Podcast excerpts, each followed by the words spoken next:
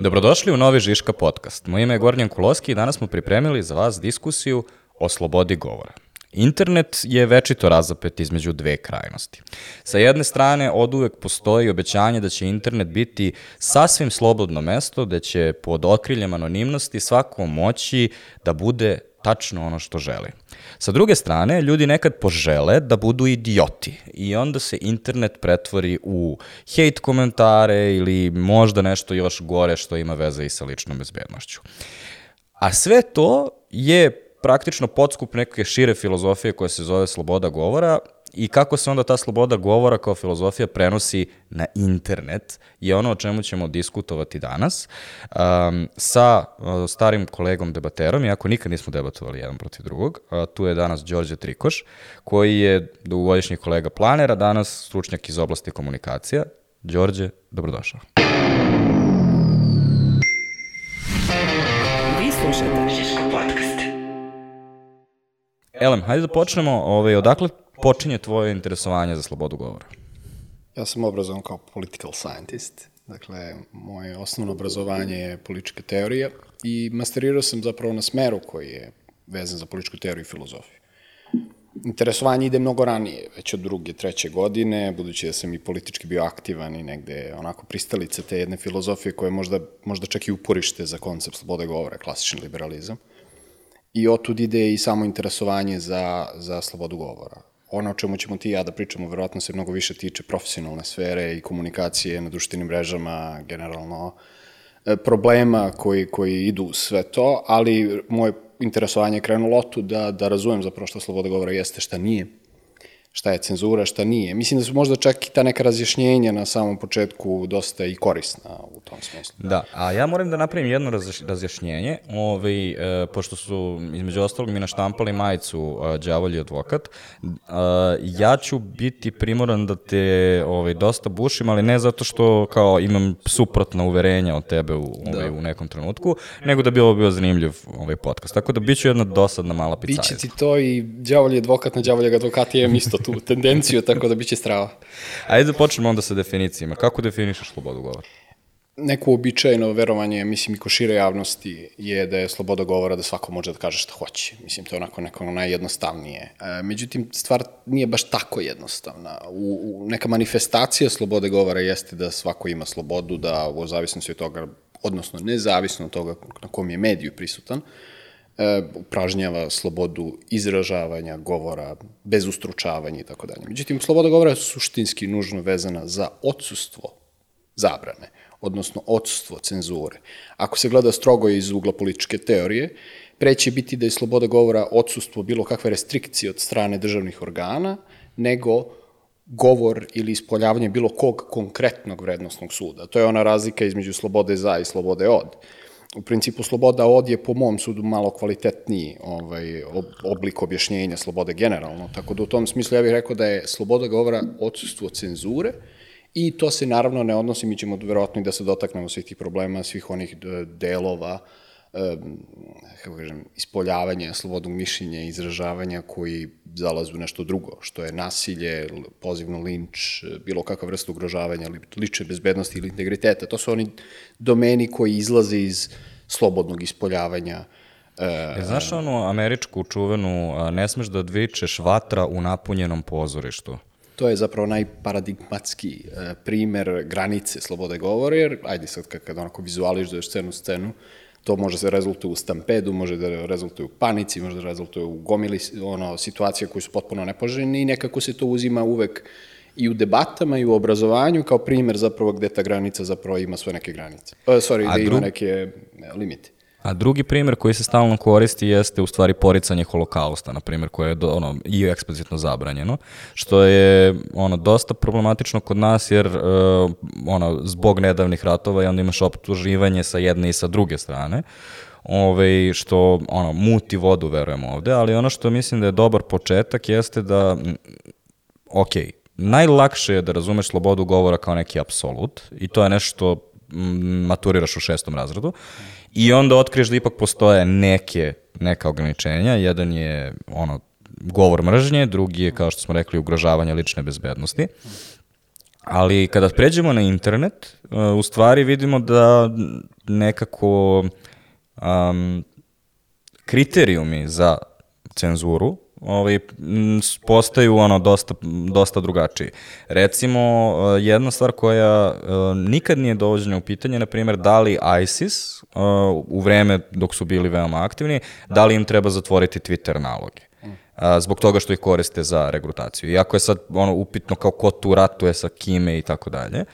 Um, a ovaj, imaš sa druge strane nešto što je kao lokalno možda dosta bitni primer koji se sad nedavno ovaj, je krenuo, to je ova osvetnička porno, pornografija koju je Birn radio i ovaj, naša stara koleginica debaterka Anđela, ovaj, gde ona, ljudi su u to dele u nekim privatnim messenger grupama.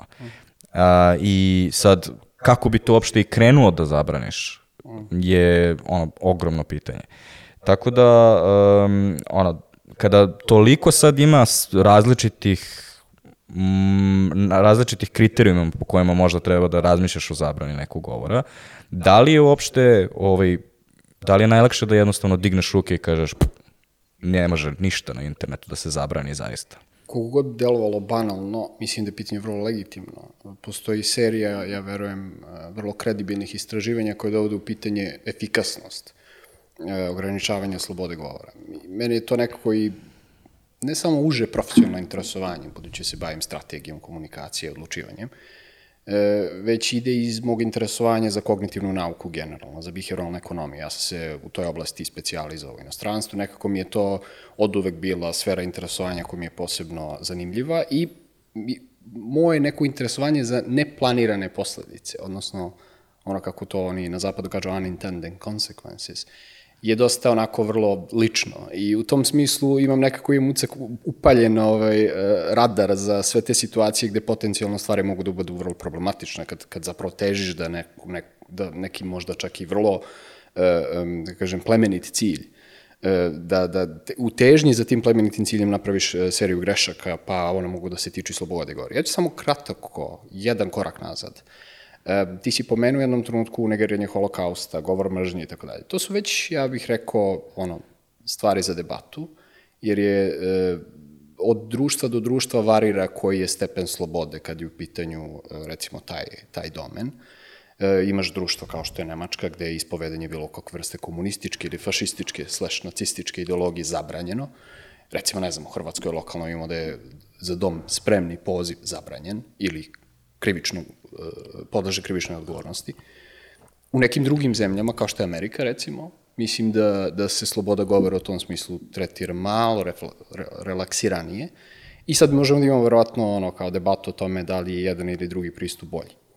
E, da se vratim na ovo sa, uzim, ISIS je možda dobar primjer zato što je toliko ekstreman, da bilo kakva vrsta dovođenja u pitanja toga da li ISIS treba da ima profile na društvenim mrežama je samo po sebi kontroverzna. Pa evo ja ću kao što ti rekao, đavolji advokat, e, si rekao da e, da bi, da bi volao da igraš tu ulogu, ja ću sebi da dam taj prostor. Da kažem da možda, možda u nekim situacijama, ukoliko neki od tih organizacija imaju profile, možda to zapravo u, u krajnjem ishodu poboljšava mogućnosti da se te grupe targetiraju, da se prepoznaju i da se eliminišu na način koji je mnogo efikasniji i mnogo temeljniji nego u situacijama kada oni ne bili imali bilo kakav prostor. Naravno, bilo kakav snimak koji može da završi na internetu koji izlazi iz onoga što je sloboda govora, apsolutno ne sme da bude distribuiran. Ali ako uzmeš recimo primer organizacije koja je vrlo efikasno radi, e, pa neću ga kažem uslovno fact-checking, ali koja radi proveru e, informacija različitog profila, recimo Bellingcat, čuo si za njih, mm -hmm. kao identifikovanje određenih e, nasilnika, po, ratnih zločina. Oni imaju dosta bogatu istoriju e, aktivnosti recimo u Africi, u Ukrajini kad je oboren onaj malezijski avion, gde su oni na terenu, vrlo decentralizovano, bottom up, uspevali na osnovu nekog vrlo, kako kažem, e, neinstitucionalizovanog inteligensa da dođu do identifikovanja određenih pojava.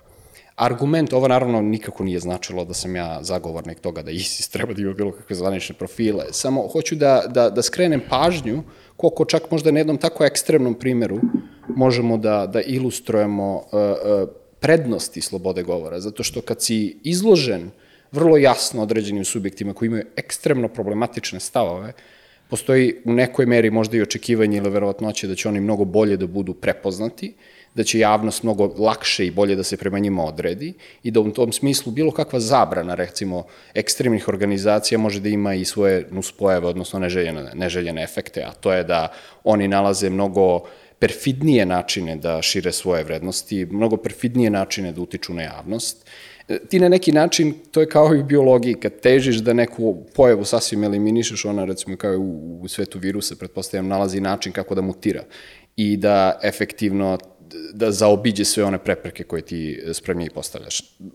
Ovo sam iskoristio namerno, kažem, kao ekstreman primer zato što, zato što je vrlo tabuiziran, jel da, i bilo kakva ideja o tome da ISIS ne treba da ima profil je samo po sebi. Ovi, da, ja sam te ga nabacio kao primjer iz razloga što uh, je, to nije bilo toliko propraćeno kod nas, ali bilo je dosta u Britaniji, zbog toga što je jako puno tinejdžera iz Britanije koji su um, ovaj, arapskog porekla generalno, možda, možda nisu baš Arapi, to sad, sad Mogu biti i Pakistanci, da, mogu biti. Ovaj, uh, u svakom slučaju su regrutovani preko tih Twitter naloga, ovaj, tako da, um, ali u stvari, kad bo, malo bolje razmisliš, ti postižeš u stvari mnogo šire pitanja, a to je da li efekat tog govora, odnosno naša procena, pošto ne možemo biti sigurni u to da li će oni uspeti ili neće uspeti, da li će se izblamirati ili će regrutovati. Da li to uopšte treba da ima uticaj na to da li taj govor treba da bude zabranjen ili ne. Odnosno, da li uh, treba da gledamo u tom pozorištu uh, koliko tačno ima ljudi mm. i da li ako je dvoje ljudi tu ti možeš ipak da vičeš vatra. Mm. Šta znači crowded? Ja verujem da, da je ovo sad neko granično pitanje iz razloga što, što to više možda nije nužno samo debata o slobodi govora, nego i o praktičnim rešenjima za borbu protiv vrlo ekstremnih pojava. One u osnovi ne moraju ni da se ispoljavaju kao problem slobode govora i suzbijanju slobode govora, već kao da li ti imaš dovoljno kapaciteta da ispratiš ili da li imaš dovoljno signala na osnovu kojih možeš da se boriš protiv nekih pojava, kao što su terorizam ili regrutacija um, mlađih ljudi za, za terorističke jedinice.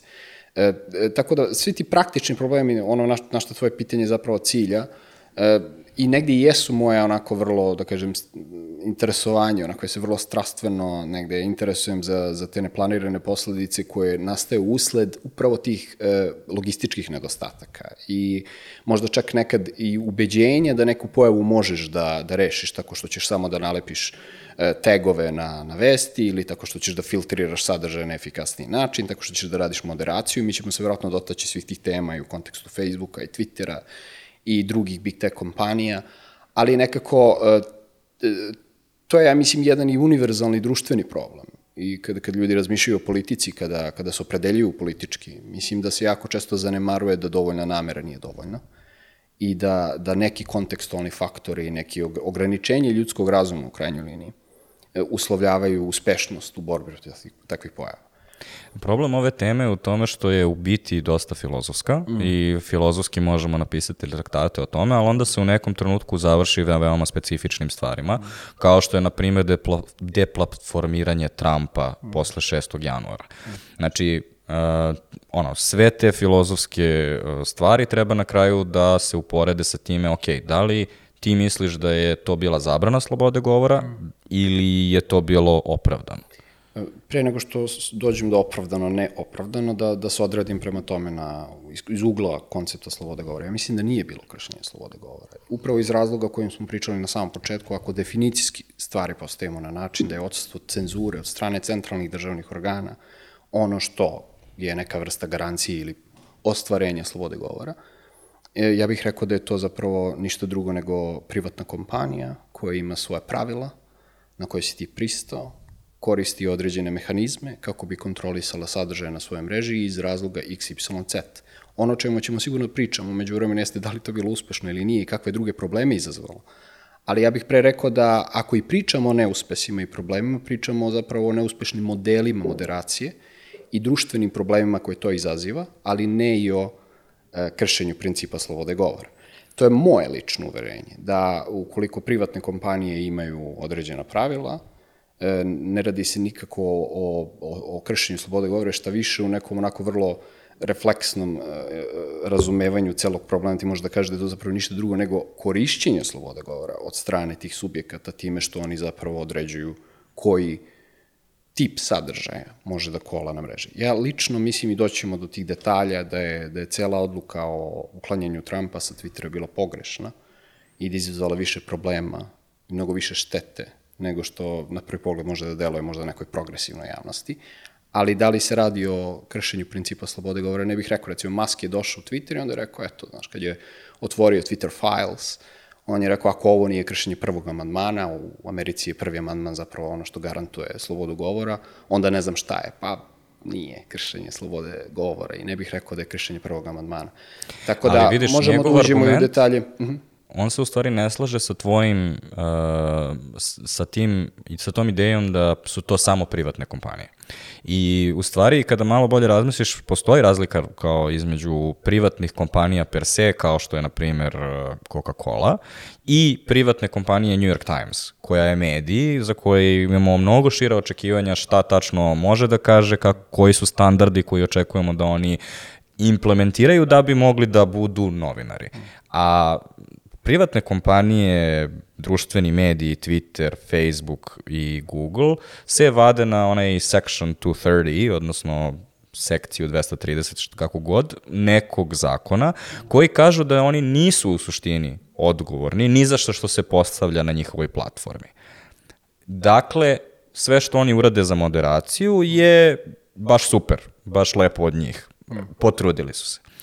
I onda to bude cool do nekog trenutka, odnosno do trenutka kao što se desi ovo sa, sa Trumpom, kada oni odluče, ok, zbog toga što verujemo da je ovaj čovek svojim akcijama i svojim tweetovanjem inspirisao rulju da 6. januara ovaj, napadne kongres, znači ovo je njihova vizura kako su oni to videli, ovaj, zbog toga ćemo mu zabraniti da govori više na Twitteru.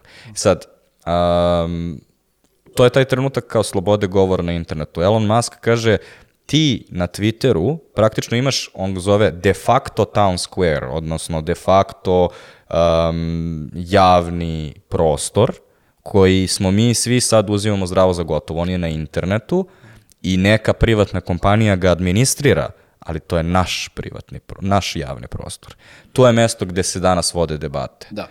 Ja negde mislim da nije neophodno da se revidira koncept slobode govora da bi se rešavali problemi poput toga. Da, to je tehnički argument. Dakle, ukoliko je big, ta, ta kompanija toliko velika i ukoliko ona zapravo prostor gde razmjena mišljenja ima ozbiljan efekat na javnost, to je i tekako konsekventno, ima svoje posledice, zahteva određeni pristup, rešavanje problema i tako dalje, ali nisam siguran da to iziskuje samu redefiniciju slobode govora. Mi možemo da ostanemo, da kažem, i poklonici tradicionalnog koncepta slobode govora u kojoj ono što se dešava u domenu prostora koji, medijskog prostora koji nudi neka velika tek, tek kompanija zapravo nije na bilo koji način domen kršenja slobode govora, ali da i dalje budemo, kako da kažem, e, posvećeni rešavanju problema u vezi sa tim. E, mislim da trenutni pravno ustavni okvir ne dopušta definiciju da je, da je zapravo to e, kršenje slobode govora.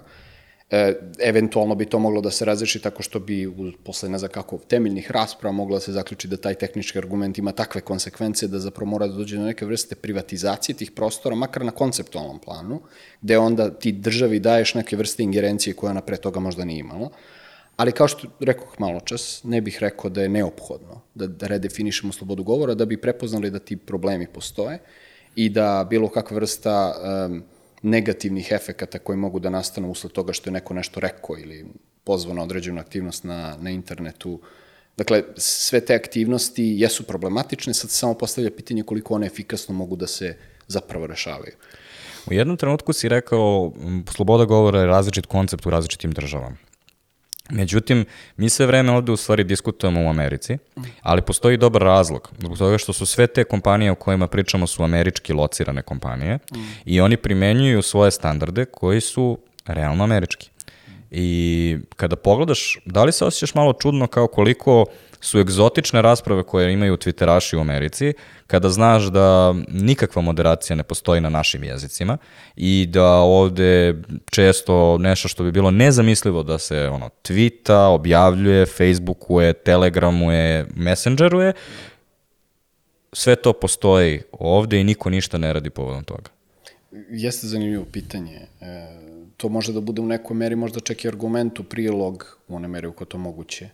S obzirom baš na jezičku barijeru koju si sad pomenuo za algoritamsku moderaciju. Recimo Jack Dorsey koji je veliki fan ne samo algoritamskog i machine learning based e, moderiranja sadržaja na, na, na netu, on je bio fan i decentralizovanog um, fact-checkinga takođe. I oni su u kasnijoj fazi, negde neposredno pred uh, akviziciju Twittera od strane Maska zapravo i pokušavali da reše taj problem od ozdo i mogu, kasnije se ostvariti na to, to je imalo i određenih uspeha. Um, generalno mislim da, da to jeste začudno, da? u Americi koja je prosto koje je to okruženje koje ima svoju vrlo specifičnu ustavnu tradiciju, e, uslovljava na neki način i to činjenica da, da su te kompanije bazirane u, u USA-u, da, da, da i profil debate bude na određeni način e, frejmovan. U tom smislu, da, jeste ta razlika vrlo problematična, samo ne vidim šta može da bude potencijalno rešenje. U datim pa, okolnostima, ja da recimo, bilo kakva rešenje. vrsta restriktivnijeg uh, pristupa e, mogu da zamislim da izazove mnogo veći haos nego, nego bilo kako vrstu rešenja. Pa, rešenje je u stvari dosta jednostavno i e, kada god se pojave bilo kakvi problemi na internetu, uključujući i fake news, dezinformacije ili probleme sa slobodom govora, organizacijom ovaj, um, raznih problematičnih grupa, Jack Dorsey, Mark Zuckerberg uvek izvade taj argument. Napravit ćemo mi algoritme koje će nas spasiti. Mm. Međutim, iz mog iskustva sa algoritmima to ne pije vodu. E, na primjer, postojali su dugo vremena artificial intelligence alati ili alati koji su utvrdili da imaju artificial intelligence koji će zameniti naše community menadžere. Znači, pričamo o nečemu što je veoma, ono, veoma vanila, brand, stranice, ove ljudi se, na primjer, žale. Međutim, u kontekstu jedne kompanije, kada te neko, na primjer, pita da li vaš sok izaziva celijakiju, ovaj, to jest a, triggeruje celijakiju, ovaj, ti ne smeš da imaš um, chat GPT koji je u tom trenutku ko zna šta je smislio i kaže da ili ne sa 90% sigurnosti. Ne smeš da imaš ni sa 95% sigurnosti. Ne, u tom trenutku veoma je osetljivo pitanje. Naš community manager mora da okrene brand manager, brand manager mora da okrene compliance, neko mora da zove proizvodnju i bukvalno svi zajedno moramo da budemo sigurni šta odgovaramo ženi koja pita za to. To je ono što ovi sistemi nikada ne mogu da skontaju. I sad to deluje kao da sam ti rekao veoma, veoma mali podskup, ali nije u stvari. Zbog toga što kada analiziraš kako ljudi zaista pričaju na internetu, um, jako su kombatitivni, odnosno kao konstantno ulaze u konflikte, um, ovaj, koriste ironiju, Uh, ovaj, na primjer, jedna od stvari koje ti alati ne kontaju je kada ti neko ironično koristi smiley. Oni imaju, ono, skontaju da ako je smiley ok, da je to u stvari pozitivan komentar. A neko ti kaže, ono, uh, vaš proizvod je najgori na svetu, smiley. Mislim, obično je dosta ovaj, konfliktnije od toga. I to je očigledno negativan komentar i svaki čovjek koji ga pogleda će to skontati. Sad, u trenutku kada ja ovo pričam, znači sad već debelo imamo chat GPT i tako dalje. Međutim, jedan problem koji chat GPT ima jeste što baš u tim situacijama nije to 100% siguran. Kada ja uzmem chat GPT da ono, tražim predloge za rođendan, poklone za rođendan moje tašti koji ima 72 godine, onda mi je okej, okay, neka bude 70% tačan. Ono, ništa mi nije. Ali u trenutku kada treba da odgovorim na škakljivo pitanje, mm tada mi treba da bude 97,77% tačan ili koliko god već možemo da dođemo sa ljudima. Tako da, u tom kontekstu ovoga što si ti pričao, odgovor na pitanje kako možemo da se spasimo jeste da očekujemo od Facebooka i Twittera, koje su najprofitabilnije kompanije na svetu, da primene standarde koje očekujemo od, na primjer, medija, kao što je New York Times. Mm. Međutim, problem sa time je onda što neće biti najprofitabilnije kompanije na svetu više, neće imati samo 50.000 zaposlenih, nego moramo da napravimo neki način kako da imamo onaj editorial odnosno urednički sistem koji postoji u medijima, samo moramo da ga napravimo na mnogo većoj skali koji nikad ni ranije nije postojao. Znači mora da postoji negde sistem u kome neko kaže da, istražili smo mi šta je, na primer, um, onaj bio onaj Brothers koji je bio problematičan na Facebooku, ako se sećaš. Desničarska organizacija, pa je onda bilo da li se organizuju za hejt ili ne, da li se organizuju da targetiraju ljude ili ne i tako dalje. Um, neko je kao, neko treba, nečiji posao može da bude da to odluči za Facebook. I onda ona priča o tome vi ste samo kompanije, meni onda ima smisla. Mm. Do tada, ovaj, samo u fazonu, mi smo samo kompanije, i naplaćujemo reklame, a vi se bavite ovim Da, da. Seriju problema si otvorio sad sa ovim uh, izlaganjem. Nekako je, uh, ja, ja tu nekako se stvarno trudim, čini mi se, da, da, da ispratim mi entuzijaste za, za artificial intelligence i kritičare. Recimo, meni je jako drag Tyler Cohen sa, sa Mercatus, iz Mercatus centra pri GMU. Uh, Uh, on je veliki entuzijast, recimo. I uh, razlog zašto ja nekako držim za njega za kredibilnog jeste što je on u trenucima kad je masa stvari koje se trenutno dešavaju delovala uh, jako nemoguće.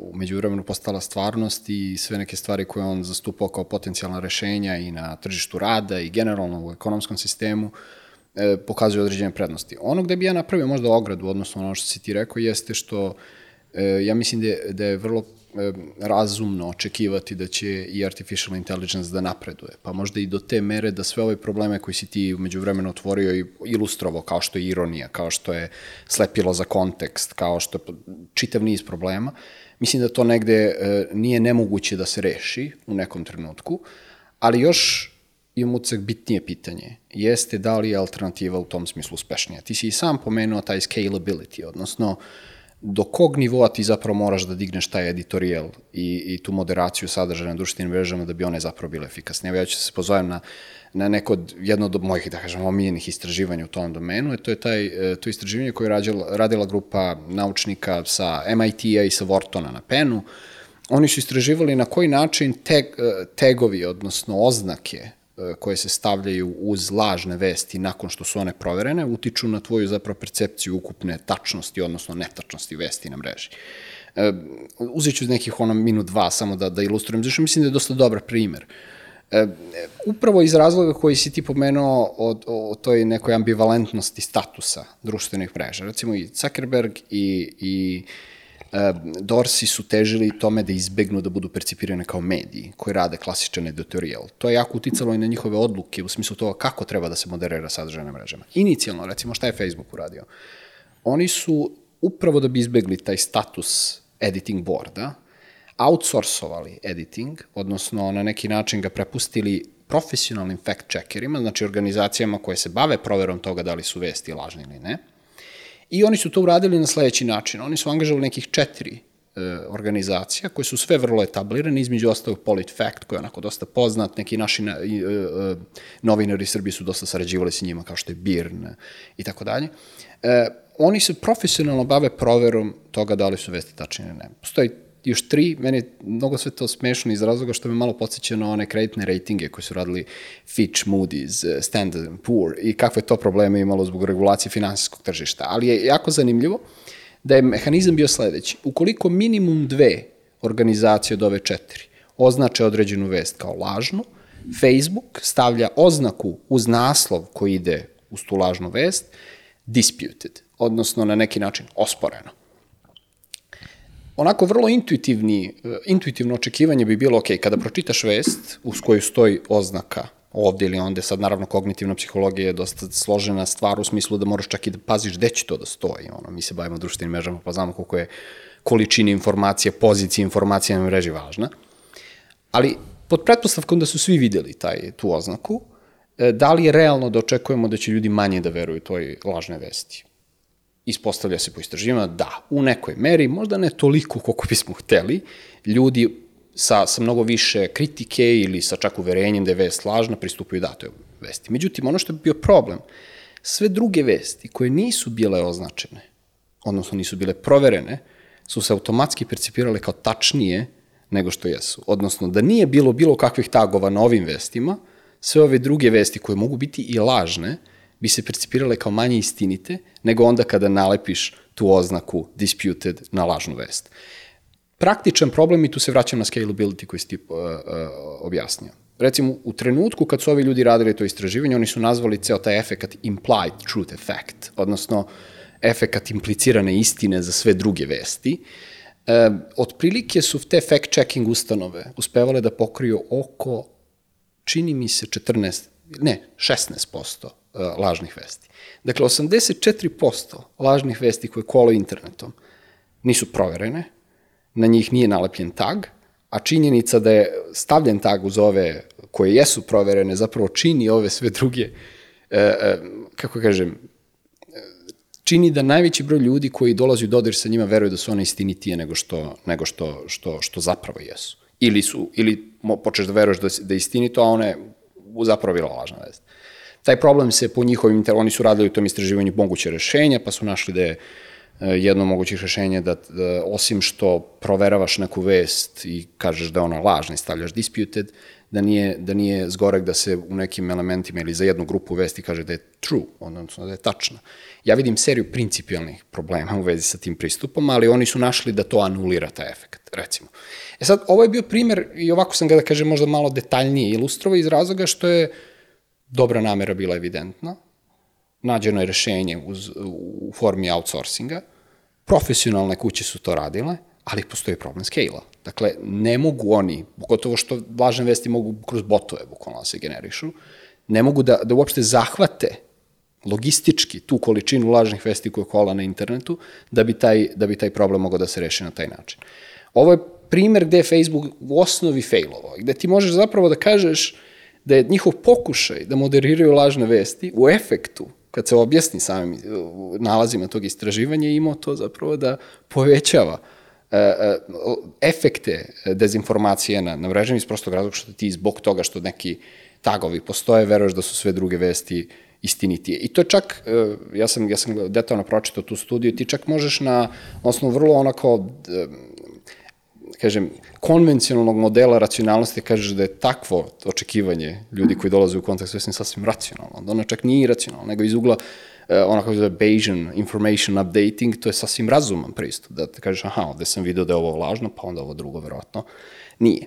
Dakle, u tom smislu se vide već neka ograničenja dobre namere i, i, i, i rešenja za, za, za problem dezinformacija i na neki način targetiranja slobode govora. Koliko ja se sećam, um, ovo je um, bila reakcija Facebooka na 2016. i ono, poplavu dezinformacija koje su između ostalog ruski agenti tako ovaj, postavljali tako na je, Facebook. Tako je. I tada je Mark Zuckerberg se svedočio pred kongresom, imao jako loše svedočenje i tako dalje. Međutim, uh, ono što je moj problem sa, ovim, sa ovom studijom jeste, a koliko ste se zaista potrudili? Pošto u isto vreme četiri godine pokušavate da uh, ubedite svet da pređe na metaverzum, što niste uspeli, potrošili ste 15 milijardi dolara godišnje na taj projekat. Znači, na spekulativnu budućnost da ćemo svi da pređemo u negde u cloud. Mm. Koliko ste se zaista potrudili ovde ili ste outsourcovali, probali veoma ograničeno i tako dalje. Silikonska dolina je veoma dobra da kada želi nešto da uradi, onda ne odustaje, onda postoji taj iterativni razvoj, znači šta smo naučili iz ovog faila? Dobro, znači došli smo do 16%, super, to znači da ćemo naredne godine biti do 32%. Šta kažemo kada veštačka inteligencija nije dovoljno tačna? Super, chat GPT-6 će nas spasiti i tako dalje. Ali onda kada treba da pričamo o tome da zaštitimo slobodu govora, onda smo u fazonu, ne, okej. Okay. Mm. E sad, tu se opet, nažalost, vraćamo na to da su to ipak privatne kompanije, oni mogu da odluče gde će da lociraju svoje budžete. Ono gde ja imam problem je u trenutku kada kako se oni uh, predstavljaju javnosti onda. Zbog toga što uh, niko ne želi da kaže zdravo, ja sam privatna kompanija i rentiraću ti određeni prostor da ti nešto kažeš. Nego se oni upravo predstavljaju kao ono što Elon Musk kaže vi ste prostor javne diskusije. Razlog zašto Facebook to želi da predstavi kao da brine za istinu jeste zato što jako puno ljudi dobija svoje vesti sa Facebooka i ako malo pogledaš biznis business model, to je realno ono što je preostalo od korišćenja Facebooka. Mm. To je ljudi koji dobijaju informacije na određeni način, naravno određena starostna kohorta kao što znamo sad. Mm.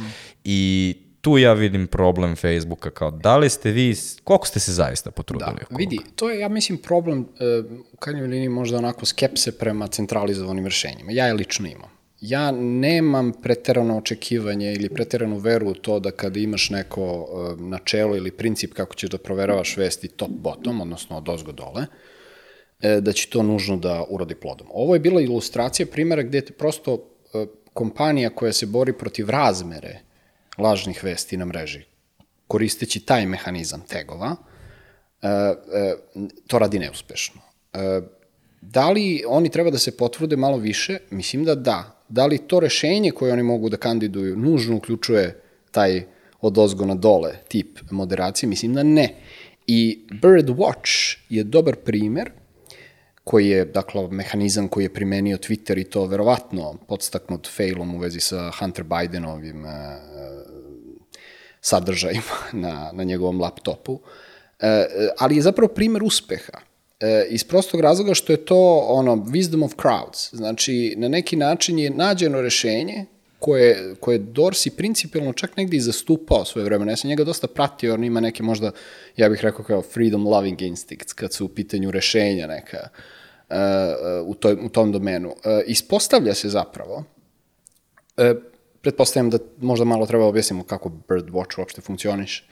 Dakle, to je jedno vreme bio pilot program, pa je onda implementiran u celosti, e, gde zapravo sami korisnici mreže imaju mogućnost da e, nakon što pročitaju određeni sadržaj neku vest, e, odre, okače procenu koliko je to bilo korisno, koliko oni misle da je to verodostojno, tačno, netačno i da čak daju određene linkove, odnosno notes, gde ti zapravo na neki način od ozdo na gore moderiraš taj sadržaj.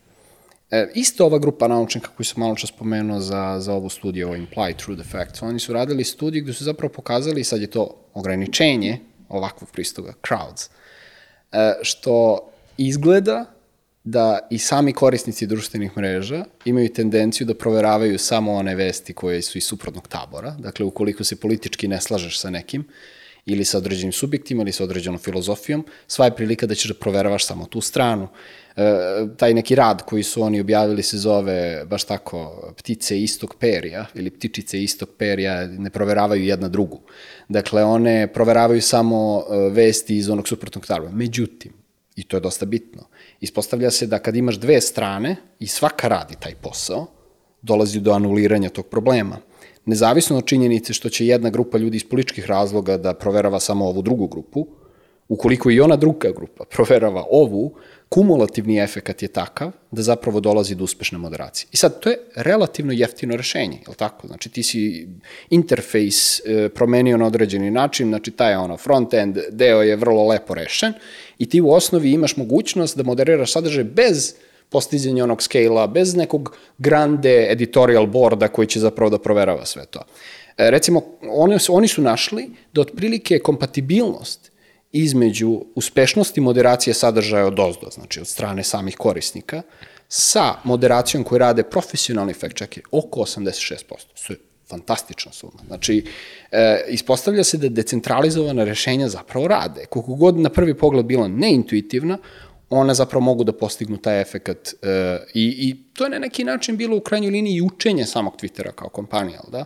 Znači oni su imali seriju neuspeha koja je počela sa tim uklanjanjem Trumpa sa, sa mreže, pa onda osudom za nedoslednost, odnosno za dvostruke standarde, jer Hunter Biden i e, ceo taj problem, on nije tretiran na isti način, reći će mnogi.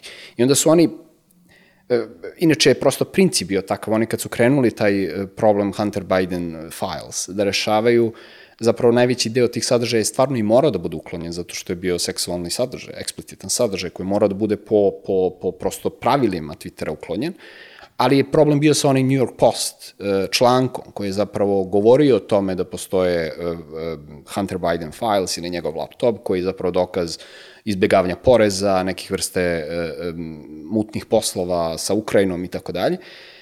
Pa je onda postavljalo pitanje da li oni zato treba da, da, da, da i te sadržaje koji nisu nužno eksplicitni ili problematični iz ugla korisničkih uslova, e, moderiraju. I onda su oni na kraju čak doneli odluku i vrlo javno to rekli, da oni od sad čak neće više e, posredne materijale, znači materijale koje imaju veze sa hakerskim poslovima, da, da nužno e, ograničavaju, nego samo kada sam haker bude podelio nešto, to će podleze, to podleže izmeni. I onda su oni zapravo prešli na ovaj Birdwatch model, I kada je Elon Musk došao u Twitter, on je zapravo zatekao taj model. Ljudi jako često pogrešno uh, interpretiraju njegov dolazak sa, sa samim tim mehanizmom. Ali hoću da kažem, m, prosto da sumiram ovaj deo, e, nisam siguran, Gorane, da je, da je rešenje zapravo u malo jačem naporu kada su u pitanju centralizovana rešenja. Bilo da je u pitanju velika kompanija ili država.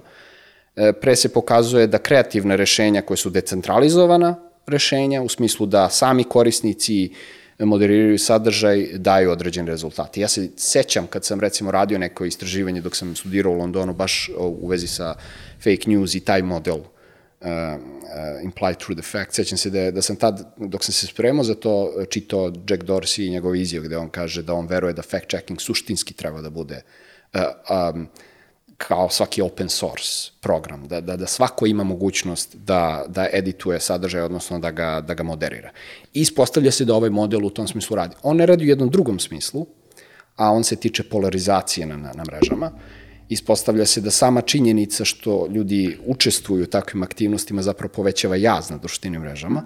Tako da nijedno rešenje nije možda savršeno, ali hoću da kažem da, da, da je negde, treba dati mnogo veću šansu tim decentralizovanim rešenjima nego, nego idejama da, da stvari mogu vrlo uspešno uz malo više resursa da se reša dozgo. Ja se slažem s tobom da to može da bude deo rešenja, ali mislim da nije ovaj, krajnje rešenje. Jack Dorsey veruje da decentralizovanje svega je dobro za čovečanstvo i najveća da. panacea koju je ikada video. Mislim, on trenutno radi na konkurentu Twittera koji je, za, koji je baziran na open source-u. Da. Um, mislim da si ti u jednom trenutku, ako sam dobro ovaj, čuo, rekao da je u stvari uspeh tog sistema bio kombinacija fact checkera koji su o, institucionalizovani sa uh, open source uh, mehanizmom. I to je ono što mislim da je, da je kao cool način da, da ideš napred, odnosno sve ove stvari, uh, kada bismo ukrstili kao gomilu alata koje možemo da koristimo da napravimo internet prostore ono, bezbednijim, uh, istinitim, manje sklonim polarizaciji, kada bismo ono, kada bismo primenili istu količinu detalja koju recimo primenjujemo na algoritam da vidimo šta će on da pokaže. Kada bismo se toliko pozabavili time, mislim da bismo došli do nekog balansa, kao što, na primjer, nedavno je baš procureo Twitter algoritam, ne znam da li si to video, mm. pa ono, 30 poena dobiješ za retweet, 20, uh, 20 poena dobiješ za retweet, 30 poena za favorite. Ok, ako neko prijavi da li to ima ono 5 poena, a ako je ta osoba na primer do, dosta nekredibilna i jaje koja ima nula followera, onda ima jedan poen i tako dalje i tako dalje. Kao mislim da bi tu možda u nekom, nekoj toj matematici došlo do nekog za, više zadovoljavajućeg sistema. Recimo, jedna od stvari koja tu može da se primeni jeste ko je izvor informacije. Ti si u trenutku kad si rekao najveći problem je bio kada je New York Times krenuo da piše o Hunteru Bidenu i tada... New York Post je ovo je bilo. A, izvini, da. New York Post. Ove, ali to je već kao etablirana novina, jel? Ove, I sad, to se dešava i trenutno, ne znam da li si ispratio, ali Elon Musk je krenuo da um, postavlja bez njihovog pristanka mm. raznim medijima količinu njihovog novca koju dobijaju od vlade. I onda recimo PBS je označen kao mediji koji finansira vlada. Mm. BBC, koji je najčuveniji primer na svetu. Se našao jako uvređeni. Da.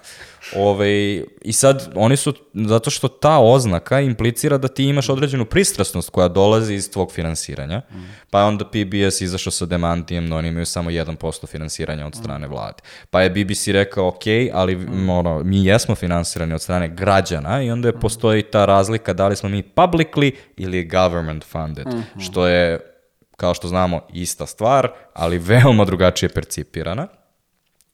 Da li misliš da bi ono to ta vrsta ono označavanja a, ili uopšte uzimanja u obzir izvora informacije gde bi se mi možda svi takmičimo za neku vrstu um, kredita koju imamo mm. online koji nam priznaju te društvene mreže. Ako se sećaš Cloud, kako je nekada izgledao, mm.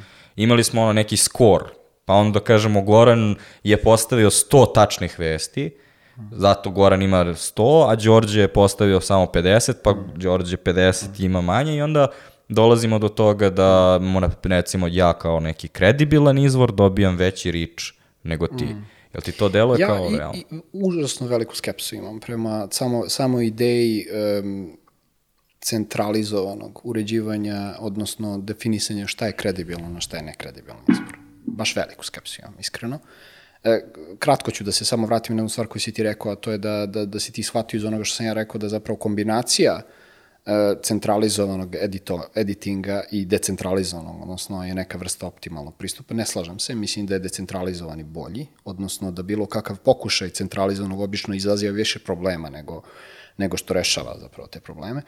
Primer, recimo, može da bude gde, gde su, recimo, izuzetno kredibilni um, autori, subjekti, na, na društvenim mrežama down rankovani e, tokom covid recimo. E, ti si sad pomenuo taj princip bodova, gde negde faktički e, tvoj reach e, na neki način je definisan upravo tim bodovanjima.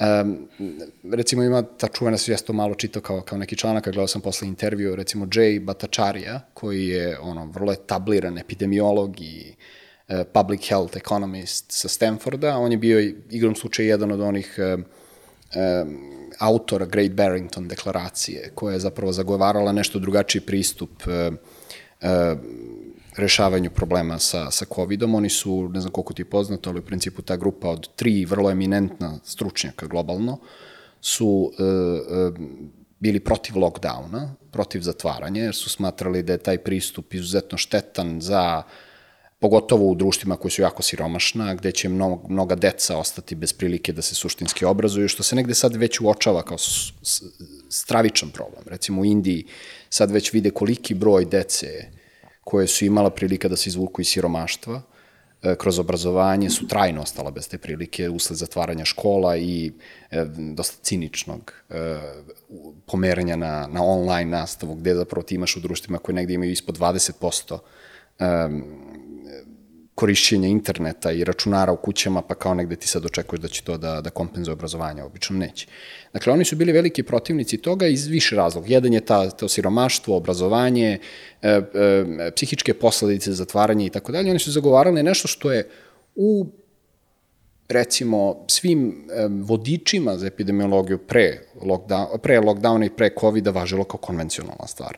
Dakle, lockdown nije dovođen kao, kao ideja uopšte, nije razmatran. I u tom smislu su recimo oni bili dosta e, bliski pristupu koji je Švedskoj primenjen, koji se danas možda ispostavlja da ako uzmeš kumulativno podatke u obzir i kada izanaliziraš sve, ne, ne, nije kao da možemo da zaključimo da nisu bili pravo. Dakle, e, postoje izvori koji su vrlo kredibilni, a koji su iz vrlo, kako da kažem, možda negdje političkih pristrasnosti od strane tih kompanija, kao što su Twitter i Facebook označavani kao nekredibilni. I onda je on imao tu situaciju da preko nekog zajedničkog prijatelja sa maskom otišao u Twitter headquarters i tamo je zapravo imao priliku da mu inženjer objasni kako je njegov profil konkretno bio potiskivan. Tokom 2020. pritom on je otvorio recimo nalog baš 2020. godine i izražavao je vrlo slobodno te sve stave. Pored njega to je bio onaj Martin Kuglov sa Harvarda, bila je Sunarta Gupta sa Oxforda, onaj teorijski epidemiolog i oni su svi zapravo bili e, e, obojica, za njih dvoje se zna, pod tom vrstom tretmana, da tako kažemo, od strane Twittera, A, a, i to u krajnjoj liniji ima veze sa definisanjem toga šta istina jeste. Da li smo mi u datom trenutku, pogotovo u, situacijama kada postoji toliko nepoznatih, u stanju da, da, da raščivijamo da li je nešto ispravan, odnosno neispravan pristup. Mislim da će tek vreme da pokaže. A recimo, već sad se pokazuju sve manjkavosti pristupa lockdowna, a u tom trenutku je neko odlučio da jednog tako kredibilnog, da kažem, uh, e, e, naučnika, doktora na neki način downrankuje, tako što on, on je to objasnio u tom intervju, dakle, kad je njemu inženjer objasnio kako to funkcionalo u njegovom slučaju, dakle, on nije imao problem e, sa ričom e, e, kod ljudi koji ga već prate, ali mogućnost da on ostvari nove pratioce je bila vrlo ograničena, jer je prosto mehanizam koji je pripremljen, pripremljen i primenjen na njega bio takav da on zapravo treba da bude ograničen u svom riču. E, e, to je vrlo u tom smislu škakljivo pitanje. Dakle, postoji gomila situacija gde, e, sta, da kažem, Naučni konsenzus još uvek ne postoji, postoje sporenja, postoje različita viđenja toga kako stvar treba da se rešava, u ovom slučaju to bio da li treba da primenjen lockdown ili ne, a neka grupa naučnika je označena kao zapravo ona koja, koju treba cenzurisati. A to je efektivno bila neka vrsta e, ograničavanja onoga šta, šta može da se kaže na platformi koja nije bila možda utemeljena. To je, to je, čini mi se, neki moj stav. Tako da, e, ovo je sve nekako, meni makar, e, signal da, da, da ići u pravcu e, decentralizovanih rešenja je mnogo kredibilniji put nego oslanje, oslanjenje na ta centralizovana rešenja iz prostog razloga što je naše znanje ograničeno. Sve i da pretpostavimo da smo u stanju da, da postignemo taj scale, odnosno taj nivo gde će kompanija biti uspešna u tome da neke, da označi sadržaje kao problematične, postavlja se primjer šta je kriterijum na osnovu kojih ti definišeš da li je nešto problematično ili ne. Ali postavlja se jedno drugo pitanje, a to je, um, on nije bio zabranjen. On njemu je samo smanjen doseg njegovih poruka. I to je pitanje koje se postavlja iz cele mislim, jedno od mnogih pitanja koje se postavlja iz cijela ove diskusije, a to je da li je ono, na engleskom se to rimuje, freedom of speech equals freedom of reach. Mm. Da li time što ja sam na nekoj platformi treba da imam jednaki tretman ili ta platforma može opet donekle da ok, Đorđe ima svoje followere, neka Đorđevi followeri, ono, ako su odabrali, neka ga prate, neka im priča šta hoće. Ja samo neću da koristim svoju platformu, svoj algoritam, da pojačavam tu njegovu poruku. Mm. Da li je to fair da jedna kompanija odluči? Ja, samo da se vratim kratko na ono što, sa čime sam zaključio.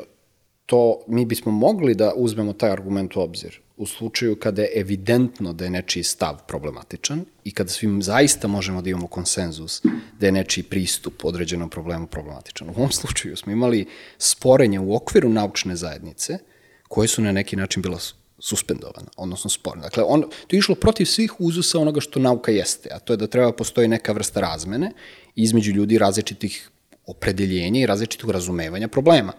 E, mi danas recimo imamo dosta materijala, recimo samo u Americi. Na neki način ti imaš uslove za prirodni eksperiment, gde ti možeš u zavisnosti od toga kako koja zemlja pristupila lockdown već da izlačiš određene zaključke. Mislim, ne treba podsjećati ljude da je DeSantis postao jedan od najuspešnijih guvernera, između ostalog što je bio toliko uporan u, u tom svojoj skepsiji da primeni onaj model koji je, koji je zastupan od strane centralnih organa. Uzgred budi rečeno, i ta Great Barrington deklaracija koju sam promenuo, se pokazala na osnovu nekih prirodnih eksperimenata da ne bi radila. Da, dakle, taj pristup fokusirane zaštite verovatno ne bi spasio te živote na način na koji su oni tvrdili, ali to i dalje ne znači da je lockdown na bilo koji način bio uspešniji od ovog drugog modela. I uh, onda kada, kada, kada prosto nekako gledamo uh, uh, iz tog ugla, uh, da li zapravo Twitter ima tu vrstu autoriteta ili bilo koja druga uh, mreža da definiše šta je zapravo stanje nauke u datom trenutku, jer ovo nije bilo ništa drugo nego svrstavanje uz određenu perspektivu koja je igrom slučaja, možda i usled političkih okolnosti, kako da kažem, neke konz, možda, možda kontroverznosti pristupa koji, koji nije podrazumevao lockdown, dos, dosvegla u, u, u žižu, pa je nekako bila afirmisana. Tako da da, mogu bi da se složim. Mogu bi da se složim da je, da je, da je moguće i okej okay debatovati o tome da li je freedom of speech ili freedom of reach, ali ukoliko ti e, imaš kriterijum koji je u startu problematičan, onda je zapravo vrlo nefer da jednu stranu e, e na neki način e, potpuno e, ograničiš u njenom riču, dok drugog daješ prostor iz prostog razloga što ti u datom trenutku veruješ da je taj pristup nauci onaj koji je ispravan. Pazi, COVID je bio odličan prirodni eksperiment za ovo što mi pričamo, zbog toga što um, danas je možda iz neke distance lakše da analiziramo na zdravorazumskom nivou, ali u trenutku kada su oni uh, shadow banovali Jaya, ovaj, ljudi su umirali. I kao, Twitter nije farmakološki gigant koji može da ono, shvatiš sve tačno šta piše. I Jay je bio neko ko je uh, imao drugačije mišljenje od etabliranih institucija kojima CDC-a, FDA, CDC-a, da. FDA-a i tako dalje. I Twitter je u tom trenutku, i to je ovaj ceo, cela saga oko Twitter filesa. Mislim, ja sam uh, ono preslušao, nisam čitao Twitter files, ali sam preslušao analizu toga i kao ne vidim zaista ništa što je tu otkriveno što je bilo šta osim kompanija koja u veoma teškim vremenima pokušava da zaključi šta može da uradi. Znači, onaj editorial board u kome smo pričali, urednički mm. tim, se zaista pojavio u nekom trenutku i ti ljudi imaju napismeno šta su mislili tada. Mm.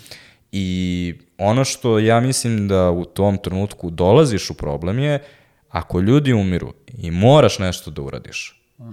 naravno ćeš u nekom trenutku reći ajde da pokušamo da budemo oprezniji ipak nego što bismo bili inače da pričamo o tome mm. ovaj, o nečemu što nije život i smrt. Dobro. Ali ulaziš u problem koji je, ono, postoji svugde u svetu danas, a to je kako odrediš šta je istina. Upravo to, ja sam se negde baš na tu vrstu ambivalentnosti, odnosno nemogućnosti da se ta istina utvrdi i pozvao malo čas kad sam, kad sam nekako stao uz taj argument da bolje nikoga ne ograničavati u njegovom riču i pustiti da, da, da debata ideja. Potpuno razumem te okolnosti o kojima ti pričaš. Ali mi takođe moramo da budemo svesni da mnogi stavovi koji su zauzeti od strane establishmenta u tom trenutku, baš zato što nisu slobodno osporavani i što javnost nije bila u prilici da slobodno nekako prati tu debatu, jako kompromitovala poverenje u nauku, jer se ispostavilo da, da, da serija vrlo važnih stavova o lockdownu, o vakcinaciji i efektima vakcine, su umeđu vremenu osporene na način koji su jako poljuljali ukupno poverenje šire javnosti u nauku. U tom smislu, ako, gled, ako uzmeš i te posledice u obzir, tim pre je možda trebalo biti oprezan na malo drugačiji način u odnosu na onaj koji si ti rekao, a to je umesto da e, u situacijama kada onako se ne zna kuda stvari idu, mi stanemo uz ono što su zvanični stavovi CDC i FDA-a, možda je pametnije pustiti tu debatu da se odvija i da ljudi zapravo imaju pristup i jednom i drugom mišljenju, jer će kad tad zapravo i onako da se sazna šta je bio pristup koji e, ima, ima efektivnost, a šta ne. Problem sa time je što ja, ono, internet jako brzo eskalira, kao onaj meme, ono, well, that escalated quickly, mm. i to je trenutak kada ti kažeš, ok, postoje ova tri veoma etablirana naučnika, ja kao Twitter ne mogu da odredim sad da li su oni zaista etablirani naučnici ili ne, ali oni imaju neku proklamaciju koja je malo različita od CDC-a, da li ćemo njih da uključimo ili ne. I onda postoji neka serija među koraka, znači postoje i neki ljudi koji su, na primer, entuzijasti za fitness i tako dalje, koji će svašta nešto da ovaj, napišu. Mm. I onda imaš Joe Rogana koji kaže pite ivermectin, koji se na kraju isto ispostavilo da je sad nije baš toliko ludo i to jeste lek za konja, ali je odobren mm. i za ljude i na kraju kao ipak može da koristi u određenim slučajevima za nešto, ali u stvari je neefektivan i tako dalje. Mislim, čak sam u pripremi ovde pokušao da nađem sad šta je na kraju presuda za ivermectin i nisam našao ništa konkretno u smislu da li je, ovaj, da li pomaže, ne baš, to jest ne, da li je ovaj preterano ovaj da, da li je štetno pa dozvoljeno je za ljude ali ima određene nuspojave i tako dalje. I kao šta sad ti tu da zaključiš? A onda dođe Trump i kaže ne ne ne pite ovaj izbeljivač. Da. Ono na što ti sad ciljaš, a ti me ispravi ako ja grešim u interpretaciji, jeste da e, čak i ukoliko su određeni stavovi ispravni, e, oni nekad koreliraju sa podrškom od strane ljudi koji su jako problematični. E, ili da, da možda ovo refraziram, da kažem da da su najveći zagovornici slobode govora danas možda pogrešni ljudi ili u nešto boljem slučaju samo jedna grupa ljudi. Ja, ja sam se često nalazim u situaciji gdje mucak da, da moji stavovi kad su u pitanju neka rešenja koreliraju sa stavovima nekih ljudi s kojima ne bi sad popijem pivo ali to je taj problem gde, gde, gde nekako uvek moraš da imaš i tu drugu dimenziju u obzir, da, gde nekako uzmeš u obzir. Recimo imamo taj primjer gde je PayPal, da bi ograničio upravo neke subjekte kao što su recimo u UK-u bili Daily Skeptic, Toby Young, recimo on je kao to gurao sa, sa Daily Skepticom i sa uh, tim um, Free, Freedom of Speech Union. Uh, PayPal je njima ukinuo akaunte na neko vreme. Dakle, on je faktički njima onemogućio korišćenje finanskih sredstava ne samo ovoj, ove, ove dve organizacije, nego njemu lično. I sad, e, ideja PayPala je bila, ok, ovi ljudi e, na njihovim platformama se skupljaju neki jako čudni ljudi koji imaju neke jako čudne ideje. Mislim da bismo mi morali u ovom trenutku koji je jako osetljiv zbog pandemije da, da na neki način reagujemo. To je tako neslavno beklešovalo da je, da je došlo do mas, masovnog uh, egzodusa sa Paypala, da je Paypal imao jednu mea culpa poruku na kraju gde kažu da su iz greške zapravo uradili to što su radili, što je faktički još gora situacija nego da nisu ništa radili. Dakle, nekako samo moramo imati ucak da razmišljamo u dva ili tri koraka i da čak i kada znamo da određena grupa ljudi radi nešto problematično, mi moramo da prosto se pitamo šta će biti posledica ako, ako primenimo određeno pravilo. I evo, ja se uvek pozivam na, taj, na to poljuljeno poverenje u nauku. Dakle, ako ti ljudima tokom dve godine e, pet puta promeniš mišljenje od strane etabliranja, sad, to naravno nije u koliziji sa ka, time kako nauka generalno funkcioniše. Ti u datom trenutku imaš određeni stav, došlo je do određenih novih saznanja, to updateujemo i tako dalje. Ali ukoliko to sve prati neka vrsta srčanog zastupanja, da si ti u pravu, a svi drugi su glupi, pa se ispostavi da su neki drugi možda igrom slučaja bili u pravu da ti nisi, onda to zapravo izaziva mnogo veće probleme. Posle se pitanje da li ćemo mi biti u situaciji, kao što već vidimo da jesmo u tom problemu i da vakcine koje nikad recimo nisu bile sporene, danas e, e, počinju da se osporavaju od strane šire, popular, e, šire javnosti iz razloga što možda neki stavovi koji su e, zvanični organi imali o tome kako vakcina funkcioniše su se pokazali netačni. Dakle, mislim da je negde samo u tom smislu važno da se zadrži ta širina i da se na neki način uzmu obzir sve moguće posledice određenih pristupa. Ja na tako, da... ja, ja, izvini, ja na taj način gledam i na centralizovani editing, na taj način gledam na bilo koji pokušaj da se suzbije sloboda govora da bi se postegao određeni stil. Dakle, neke nenameravane posledice uvek postoje. Imaš situaciju u kojoj um, biraš između dva zla. Um, znaš, na početku pandemije, na primjer, ovaj, stvar sa maskama. Da. Uh, imaš određene podatke za maske. Onda u određenom trenutku dobiješ nove informacije, prva istraživanja vezana za virus, mm. imaš nove informacije za maske.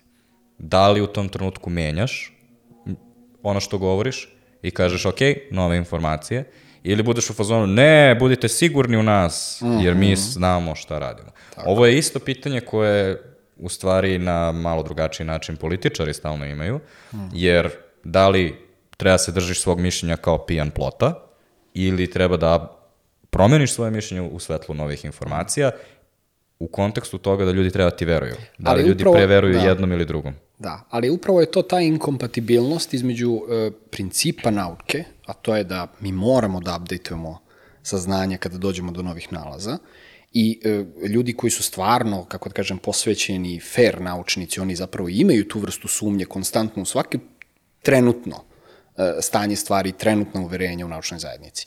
Međutim, i tu se vraćam na ono što sam malo čas rekao, to nije komunicirano na taj način. Tu ti i ja kao profesionalci te kako imamo šta da kažemo. Dakle, na neki način je u redu što vi u nauci imate taj pristup, ali ukoliko to nije praćeno time da se konstantno usađuje skepsa i da se podsjeća da je to trenutno e, znanje o, o materiji, da ono može da se promeni, a svi znamo da najšira populacija prosto ne može da ima tu vrstu svesti, E, najveći broj istraživanja u psihologiji zapravo kažu da ljudi koji su skloni emocionalnom rasuđivanju, uslovno rečeno, će uvek biti poklonici lažnih vesti ili teorije zavere. Dakle, e, ti uvek imaš taj problem da, da kod ljudi koji, koji po prirodi njihove ličnosti imaju smanjeni e, podstice ili smanjeno upražnjavanje razmišljanja, uvek ćeš da imaš tendenciju ka tome. I ako uzmeš u obzir da je takvih ljudi u populaciji mnogo, nije realno očekivanje da možeš baš ta, ta, ta pravila koje važu u naučnoj zajednici da, da očekuješ da će ona biti jasna svima. Tako da u tom smislu je to možda pre argumentu prilog slobodnog i vrlo kritično posmatranja svake od, datog, e, e, svake od datih mera u datom trenutku, jer ispostavlja se danas, ne znam da se ti slažeš sa mnom to, kad, kad je to u pitanju, meni se čini da, da su zvanični organi bilo koje države bili mnogo transparentniji i mnogo, kažem, kritičniji prema svim pristupima koje imaju, skromniji, da bi to umanjilo skepsu prema nauci koju smo, u kojoj smo mi danas završili, da bi to imao mnogo bolje posledice nego to, to, to, to ti stave gde mi se sećamo nekih perioda u tokom te pandemije gde je bez malo bilo, će malo da ostaneš vrlo komotno bez e, prijateljstava, da ukoliko izazeš određenu vrstu stava, uvek će postojati grupa koja će tu biti neka moralna policija da te zaustavi, da ti kaže šta, kako treba da razmišljaš o bilo kom od tih pitanja. Pritom ovo pričam sve iz perspektive vrlo entuzijaste i za vakcinaciju, i za rešavanje svih tih problema, ali, ali na neki način stamo moramo da budemo svesni koliko je e, ta uh, inkompatibilnost između načina koji običan čovek razmišlja i na koji način on usvoje informacije i onoga kako to radi naučnik, nešto što prosto moramo da razumemo i da u skladu sa tim prilagođavamo tu komunikaciju. Mislim da su to dva različita pitanja. Jedno je kako dolazimo do toga šta je istina, a drugo je šta ćemo iskomunicirati jednom kada smo 70% sigurni da, da je nešto istina. I seti se tog perioda sa pandemijom i sad um, u trenutku kada recimo si 70% siguran da javna okupljanja ili gužva u javnom prostoru je ovaj, tra, ono, povećava transmisiju. Mm. Ove, I u tom trenutku da li ti izlaziš na TV i kažeš ok, ljudi, u slučaju da ste dva metra jedni od drugih imate 70% veću šansu da a, dobijete COVID i prenesete drugome. U slučaju da ste 3 metra jedni od drugih, ta verovatnoća pada na 30% i tako, tako dalje. Znači, izneseš sve što su zaista činjenice. Ili, sa druge strane, kažeš, niko ne sme da izlazi posle 8. U kontekstu komunikacije je nauke, u kontekstu javne politike, šta misliš da je bezbednije u kontekstu toga šta će ljudi uraditi? Zaista. Ti isti ljudi za koje kažeš da ono, nisu skloni updateovanju svog mišljenja, ono, ja sam čak kao neko ko je kao ima, rekao bih, ono, strast ka tome da istražuje o stvarima, ja sam odustao mm. u tom trenutku, jer kao postoji previše izvora, previše različitih informacija. Mm. Okej, okay, ti koji si epidemiolog, ti koji si ono, se školovao za to, reci mi šta da uradim, ok, ne izlazimo posle 8, u redu. Što, jel virus ne radi posle 8 i tako dalje? Ne, to je, ja, tako smo se dogovorili, ok. Mm. Šta je da, efikasnije? Pitanje je legitimno, mislim, a sa druge strane, znaš, treba uzeti u obzir da ono, ti rigidni pristupi su baš ozbiljno backlashovali, recimo u Kini, Australiji. Ti uzeš primjer te Australije, to je u jednom trenutku skoro bio Black Mirror. Skoro, skoro da si mogao da očekuješ da ćeš gledati na vestima kako ljudi uzimaju puške da ganjaju COVID pozitivnu osobu. To je stvarno u nekim trenucima onako uhvatilo maha na način da je stvarno otišlo dođevalo, a pokazao se i taj zero COVID pristup, da baš i nije bio najsrećniji mogući pristup. E, ja nekako, meni intuicija je na strani da umesto tih represivnih modela gde ti samo nešto odrežeš i kažeš ovako će da bude, nećemo se sad ulaziti u neke detalje, mislim da, da je za ukupno poverenje u okviru zajednice, ukupno razumevanje šta je dobro, a šta ne, treba zadržati jednu vrstu intelektualne skromnosti i ipak pokušati da se objasni ljudima da u datom trenutku postoje saznanje da stvari funkcioniše određeni način, ali da se nikako ne ohrabruje taj uh, virtuous signaling, odnosno ta, ta, ta, ta osobina i na mrežama i u široj javnosti da nekde postoji jedna grupa ljudi koja onako vrlo pasionirano druge ljude označava kao glupaki debile, a umeđu vremenu se ispostaviti da još tri puta će biti slična situacija i da neki od onih stavova koji su tako vatreno zastupani su se ispostavili vrlo netečani.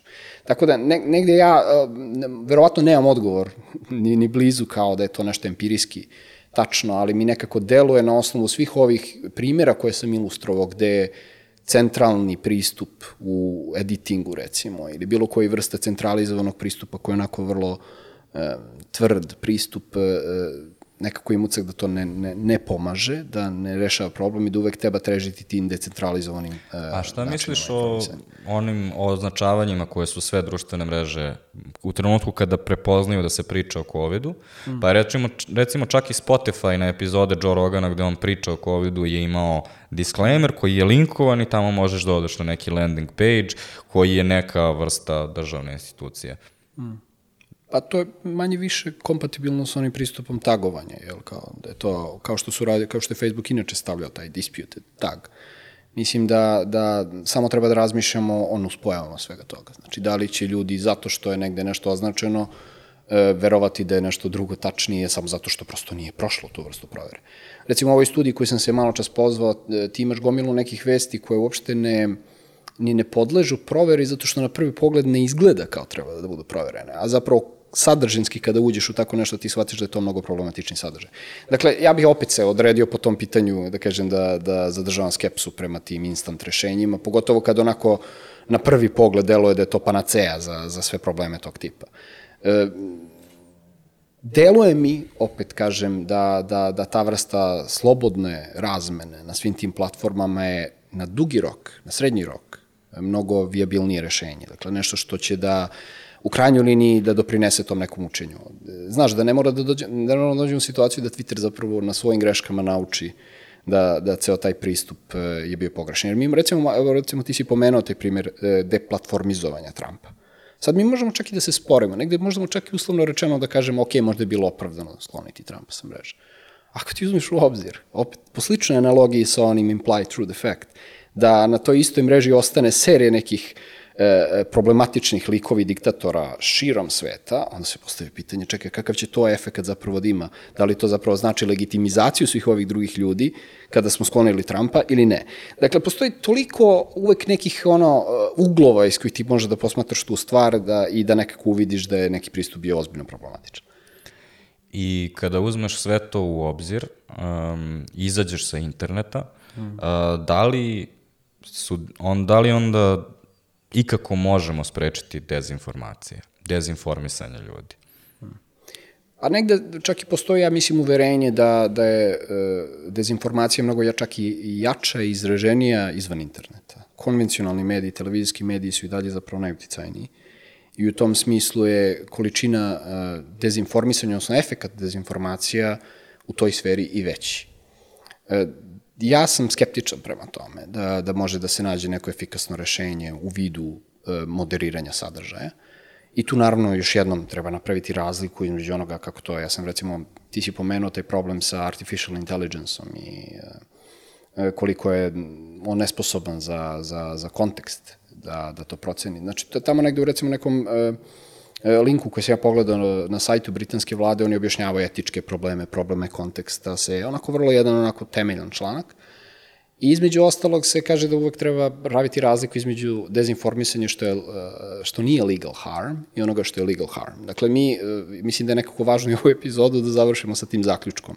Pomenuo si i taj problem osvetničke pornografije. Dakle, postoji serija aktivnosti koja prosto ne, ne treba da, da budu dovođeni u pitanje da li treba da budu uklonjene, sankcionisane, krivično gonjene i tako dalje.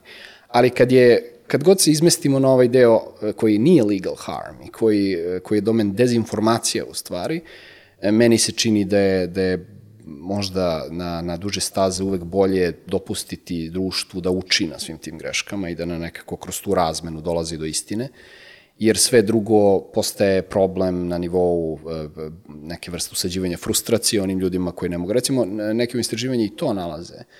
E, pomenuo sam taj problem polarizacije kroz fact-checking, čak i kada se radi o dozdu i decentralizovano. Jer ti imaš ljude koji e, po tim istraživanjima ti sva prvo shvataš da ljudi koji su sankcionisani na mrežama, pogotovo koliko su problematični akteri, oni imaju tendenciju da se radikalizuju i da se ekstremizuju. Tako da imaš i tu vrstu problema, da čak jednom kada nekoga uh, E, na taj način zaustaviš, u sledećoj iteraciji će se vratiti kao još veća daja nego što je bio. Tako da e, nekako deluje kao da prosto e, jedna vrsta treniranja populacije za jednu vrstu intelektualne skromnosti i za otvorenost ka različitim idejama možda mogu na, na, na, na srednji rok ili duži rok uspešnija strategija. Što bi bilo cool da je populacija digitalno pismena, ali ovaj, onako nemam sad neke podatke mm. u rukavu, ali mm. anegdotalno bih rekao da postoje ogromne probleme sa time. Mm. Ove, ovaj, prva stvar koja mi pada na pamet je ove, ovaj, kružne poruke na Viberu koje su pisane caps lockom. Ali hajde da završimo tako. Dosta mm. smo se bavili time šta bi Facebook, Twitter, um, država trebalo da urade. Šta Đorđe radi? Mm. Kao šta, kako ti tragaš za istinom na internetu? To je dosta različito pitanje, jer ti si se do sada da. bavio time šta bi trebalo da bude sistem koji će da utiče na velike delove društva ili velike mm. platforme, mm. različite kanale i tako dalje. Ali okej, okay, ti na internetu. Da. Ja lično, pa ja sam negde sebe smatram temperamentnom osobom. Ja ću biti ono jedan na jedan osoba koji će nekada da istrči pred rudu i da kaže nešto glupo, pa ću možda posle se kajem. Ali e, ja bi nekako, kad razmišljam o tome kako ja treba se ponašam, pretpostavljam, e, treba da budem te, deo te populacije koje je na, na, na neki način opismenjiva na digitalno, jel da? Ti si pomenuo digitalno pismenost, ekstremno bitan koncept. E, u empirijskim tim nekim e, u istraživanjima se zapravo na, nalazi da su vrlo neki jednostavni tips i neke vrste kratkih, e, ilustrativnih obrazovanja za, za digitalnu pismenost zapravo vrlo korisni. I u tom smislu i, ovi, i ove velike kompanije time treba da se bave. E, jedan, od, jedan od načina koji takođe može da spreči, odnosno da nekle smanji e, deljenje lažnih vesti jeste ono što se zove accuracy prompts, gde ti zapravo ljude, kada ih izlažeš random vestima, samo, samo im prosto im postaviš pitanje da, da ocene koliko je to verodostojno ili ne, koliko je bilo korisno ili ne. Ispostavlja se da kada ljude e, na neki način staviš u stanje da razmišljaju o konceptu tačnosti i netačnosti, ti možeš da postigneš sa, već taj efekat da se smanje. On, na, na, nažalost, nije nešto značaja. Mislim da su negde u tim istraživanjima naši da se otprilike oko 10% smanji deljenje negati, e, lažnih vesti.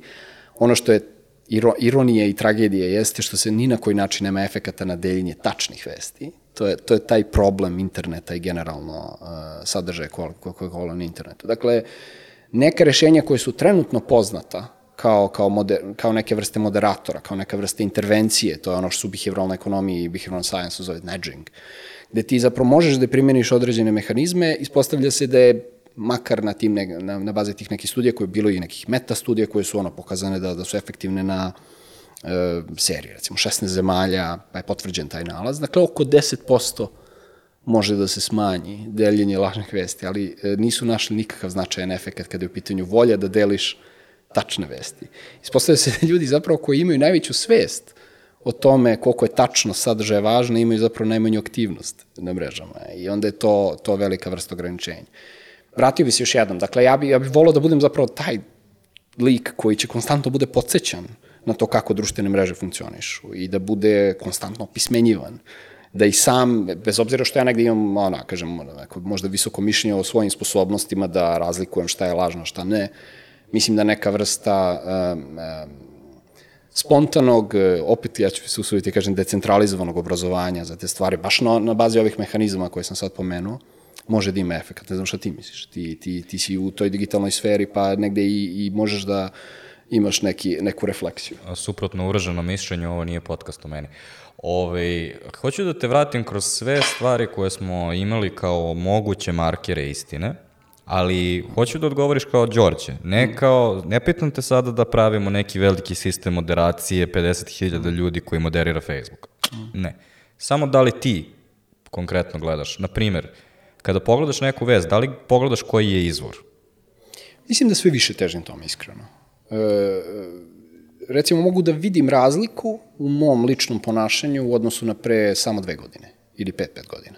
Da li I mislim kada... da u tom smislu neka vrsta možda čak, ajde kažem, digitalne zrelosti, pa možda čak i lične zrelosti, sad je tu uvek teško protumačiti da li je nešto uzrokovano samim, da kažem, razvojem i starenjem, a, a, a u kojoj meri je prosto nekim iskustvom koje se ja stekao na digitalnim kanalima. Tako da ne, negde moj odgovor na, na tvoje pitanje jeste da mislim da sam danas mnogo više oprezniji nego što sam bio nekad. Da li gledaš od koga dolazi? Pošto jedno je izvor vesti u smislu da li je, ne znam, Blitz danas ili ne znam ko, a drugo je da li sam ti poslao ja ili Danilo ili... Uvek možda napraviš tu vrstu greške, ali mislim da sam počeo i time da se bavim, da onako vrlo uh, Šta više, recimo, naš, recimo dobar primer za to je kada, kada najđe neki članak koji je na srpskom jeziku i srpskih medija i onako već sam razvio i mucak radar za to kad se radi o nekom vrste prevoda, kad je negde pokupljen neki sadržaj e, preko, pa onda se pokušavam da trudim da dođem do izvora samog. Da, znaš, ono, recimo, primetio sam da imam jednu vrstu skepse kad treba da podelim sadržaj e, na srpskom jeziku u odnosu na, na engleskom, što je možda greška, jer i taj na engleskom treba možda detaljnije proveriti. Ali mislim da sam negde razvio neki seriju nekih ono navika, da kad e, dođem u kontakt sa nekim sadržajem, prosto probam da proverim koliko mogu. Ali mislim da ja možda čak i nisam u tom smislu, verovatno ni ti ni ja, ni, ni svi ljudi koji se bave time, profesionalno nismo merodavni i verovatno je mnogo smislenije istraživati da li se bilo šta u tom smislu na nekim generalni trendovi, da li se menju kod šire populacije, dakle kod ljudi koji uzevši u obzir e, taj efekt društvenih medija gde je polarizacija sve veća i da će zapravo u jednom trenutku od slobode govora mnogo veći problem da bude možemo ili uopšte da komuniciramo jedni sa drugima.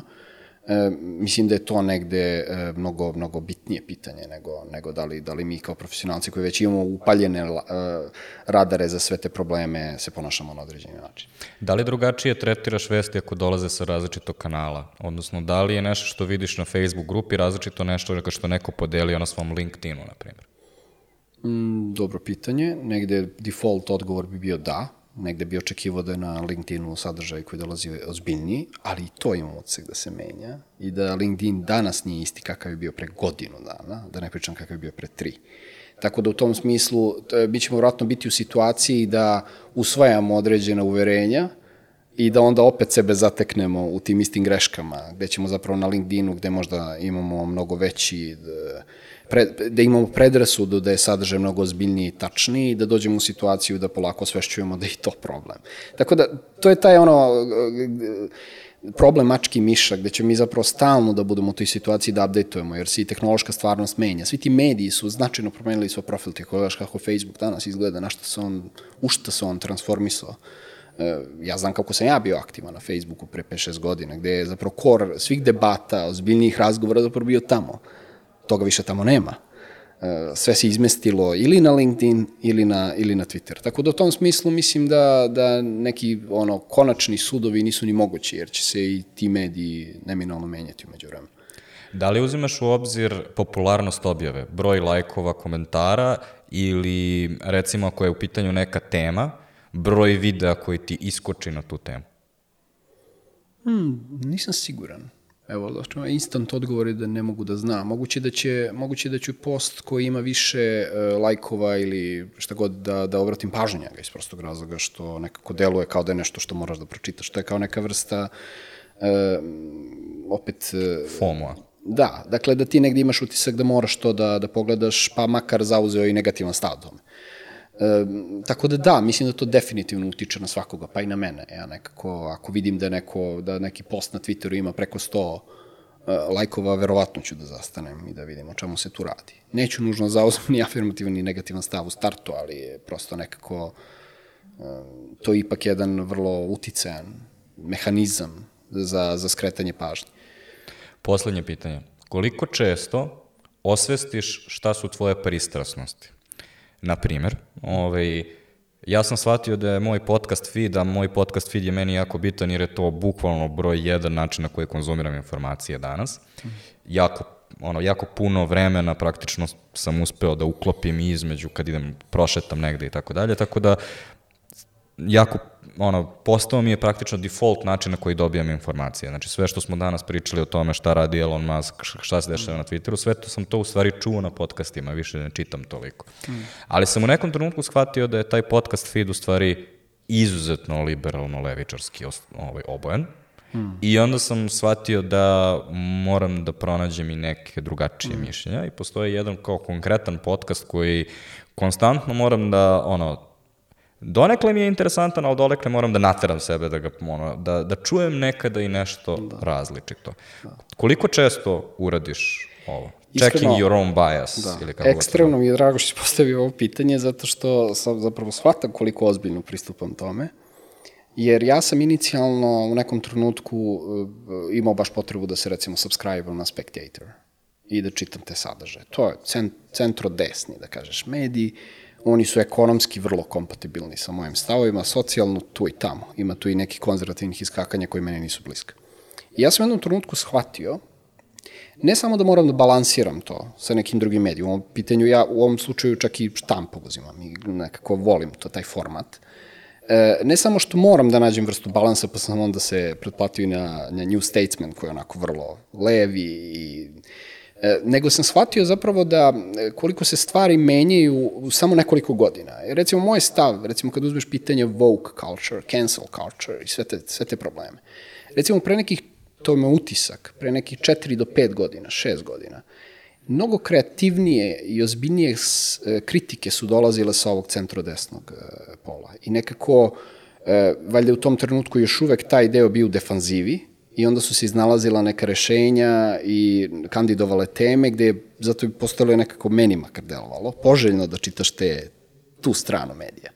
Međutim, danas recimo imam ucak da isti taj spektator koji jako često korelira sa mojim stavima, posto vrlo predvidiv, da ja imam utisak da kad pročitam naslov 2, 3, 5, da ja skoro pa znam da će, šta ću pročitati i da nekako sad već na strani desnice se stvari ponavljaju. I imam utisak jako često da iz ovog drugog tabora, koji mi nije blizak, prevashodno ekonomski, možda mi je malo bliži socijalno gledano, e, dobije mnogo kreativnije rešenja iz prostog razloga što ova druga strana u defanzivi, ispostavlja se recimo baš po tom pitanju, woke, cancel i tako dalje, da, da, da na strani le, levih medija dolazi do mnogo zanimljivijih uvida i mnogo kreativnijih pristupa samom problemu, zato što se osvešćuje da je cela ta filozofija možda u ozbiljnoj krizi i da ona neće još dugo da preživi zub vremena, da tako kažem. Tako da u tom smislu mi je drago što postoje to pitanje, zato što da, očigledno se trudim, recimo, da, da pratim medije sa različitih političkih polova, baš kako bih sebe korigovao. Znači, jedan mi je motiv baš to, da ono nekako, baš sam nedavno i na Twitteru napisao, dajte mi neki ono podcast sa uh, levim uh, ekonomskim kao idejama, zato što nekako im ucak da, da najveći deo sadržaja do koji dolazim sa te strane mi je baš ozbiljan trash. I kao dajte mi nešto što je kvalitetno, jer kao hoću sebe da izazovem u tom smislu. Sa druge strane, recimo, pratim podcast Unheard. Uh, oni su dosta onako provokativni, mislim provokativni baš na dobar način, a imaju vrlo, vrlo, uh, kako kažem, razuđenu ekipu politički, od, od vrlo socijalista i nekim, neku, nekom slučaju čak i komunista, do, do ono vrlo uh, unapologetic uh, tržišnih, recimo, ekonomista ili, ili mislilaca. Tako da, definitivno zapravo sad iz ovog posljednjeg pitanja shvatam koliko smo se možda istrenirali, makar ja lično jesam, da pokušavam da nalazim balans između, između različitih stavova cela svrha ovih par pitanja je bila da prođemo znači sve što smo imali kao moguće markere istine, um, koje možeš da problematizuješ kada slobodu govora gledaš na celo društvo ili na celu kompaniju, ali je dosta drugačiji način kako mi to konzumiramo ovaj, kada smo individualci. Šta bi mogao da poručiš ljudima kako, ono, što, što nismo analizirali danas, kako da se ponašaju na internetu i kako da se možda zaštite na internetu ili od dezinformacija ili od drugih stvari. Mislim da saveti te vrste, skeptičan sam da mogu da imaju ozbiljnije efekte. Mislim da ovi modeli obrazovanja digitalne pismenosti koji mogu da dođu od tih kompanija kao što su Twitter i Facebook, kroz vrlo jednostavne um, mehanizme su mnogo uspešniji uh, za tako nešto. Mi imamo neke usađene slabosti, to je prosto u nauci utvrđeno. E, mi imamo tu tendenciju da verujemo stvarima koje, koje smo više puta videli. Dakle, sama, sama repeticija nekih sadržaja utiče da mi verujemo da je to tačnije nego što ne. I da ironija bude veća, istraživanja kažu da čak i sami profesionalni fact-checkeri označavaju sadržaje koji su videli ili s kojima su već bili u kontaktu kao tačnije nego one koji su novi sadržaje. Dakle, postoje neke slabosti koje ne mogu da mi mojiđu ni najsposobnije među nama i one koje smo čak profesionalno e, kažem, određeni tako što se bave time, da, da proveravaju lažne vesti. Postoji serija tih problema. Već jedan sam neki pomenuo, to je taj da ljudi imaju u zavisnosti od ličnosti tendenciju da, da veruju lažnim vestima ili ne e, postoji ta, ta, ta vera autoritet e, koja je očigledno toko jaka. E, recimo imamo, na primjer, vakcinaciju u Srbiji, to, to je evidentno. Recimo, često ćeš čuti primer ili stav da, da su ljudi u Srbiji toliko iracionalni, da je, da je masa ljudi toliko iracionalna i da ona e, zbog toga zapravo odbija vakcinaciju. Ja zapravo mislim da, da, da ta, ta, taj otpor vakcinaciju u Srbiji konkretno ima veze sa poštovanjem autoriteta, to su lekari a kod nas je neobično veliki broj lekara protiv vakcinacije. I onda je to zapravo opet negde se u nauci zna da ako ti veruješ autoritetima, jer negde smatraš ako ko zna, zna moj lekar, onda će to da ima i efekat na tebe. Možda čak i mnogo veće magnitude nego udeo samih e, e, lekara koji su skeptični prema vakcinaciji. Neki njih i 15%, neki 20%. Pre, ono, spillover njihovog dejstva će da bude da izađe na ovih 45 ili 50. To naravno nije isključivi faktor, ima tu i kulturoloških nekih specifičnosti, ali hoću kažem da ja negde lično verujem da je upravo taj problem verovanja autoritetima nešto što jako teško može da se zaobići. Um, negde od svih tih rešenja imam utisak da, da su naj, naj, najozbiljnije rezultate upravo dali ti mehanizmi gde ti ljudima skrećeš pažnju na koncept tačnosti i usmeravaš njihovu pažnju da zapravo o tome razmišljaju jer jednom kada su oni u tom stanju mentalnom, da se time bave, veća je šansa, ne nužno da ćemo eliminisati probleme, veća je šansa da će um, biti oprezni po pitanju toga kako veruju nekim informacijama ili kako obrađuju neke informacije. Ako postavim malo drugačiji, drugačije svetlo na tvoj odgovor, ti u stvari predlažeš skepsu prema skepsi, mnogo više rada, provere, mnogo manje poverenja sa jedne strane to deluje kao jako puno posla, ali ajde da kažemo i da smo se latimo tog posla. Da li misliš da je depresivan zaključak koji imamo danas da ono, nemojte verovati nikome, internet je jedno užasno mesto. Kao, da li je ono, da li postoji neki žal za, bilo da je to bilo tačno ili ne, za onim starim vremenima kad si znao lepo izađe na TV dnevnik, to što je rekao da. na TV dnevniku je tačno. Da.